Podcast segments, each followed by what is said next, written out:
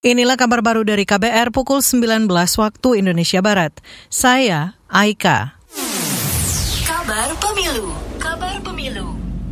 Tim Nasional Pemenangan Anies Baswedan Muhammad Iskandar mengkritik sikap Komisi Pemilihan Umum KPU RI mengenai kesalahan pengisian data penghitungan suara hasil pemilu. Kritik itu disampaikan anggota Dewan Pakar Tim Nasional Pemenangan Anies Muhaimin, Bambang Wijoyanto menanggapi permintaan maaf dari Ketua KPU RI Hashim Asyari.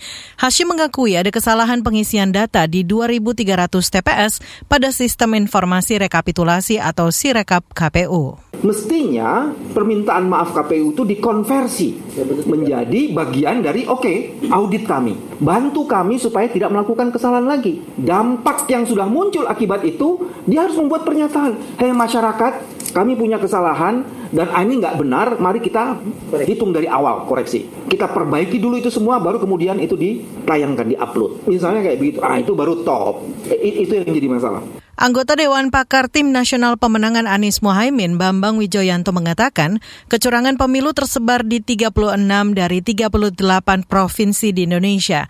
Kecurangan tersebut mencakup penggelembungan suara yang di dalamnya juga terdapat lebih dari 200 kabupaten kota. Data ini didapat dari temuan internal Timnas Amin serta sejumlah lembaga atau organisasi pemantau pemilu.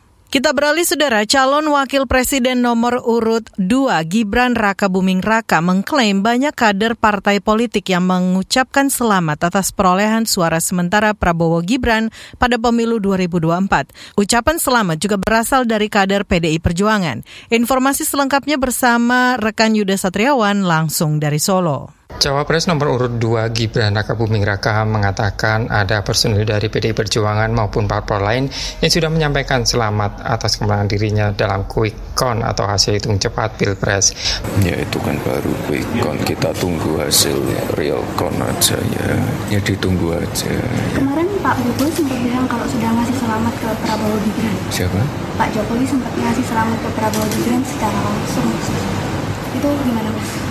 Ya nggak gimana gimana hal yang biasa itu kapan teman-teman dari PDI Perjuangan juga sudah banyak yang memberikan selamat juga. Siapa aja mas kalau dari PDI? Hmm? Siapa aja yang dari PDI? Oh, nggak usah disebutkan siapa. Lebih lanjut Gibran mengungkapkan dirinya saat ini melanjutkan tugas sebagai wali kota Solo. Gibran juga enggan menanggapi hasil hitung cepat dari Bawaslu Solo maupun lembaga survei lain yang menunjukkan Prabowo Gibran unggul di Jawa Tengah termasuk di Solo yang selama ini menjadi basis PDI Perjuangan atau dikenal dengan istilah kandang banteng. Gibran kembali bekerja sebagai wali kota Solo pasca pemungutan dan penghitungan suara di TPS. Gibran juga sempat menghadiri kegiatan di Istora Senayan terkait pidato Prabowo Gibran. Dari Solo, Jawa Tengah, Yuda Satriawan, KBR. Kita ke informasi lain.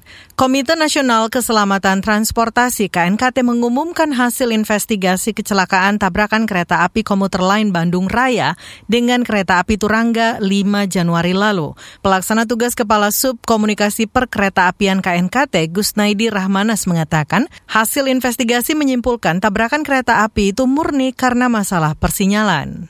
Kami mengistilahkan ini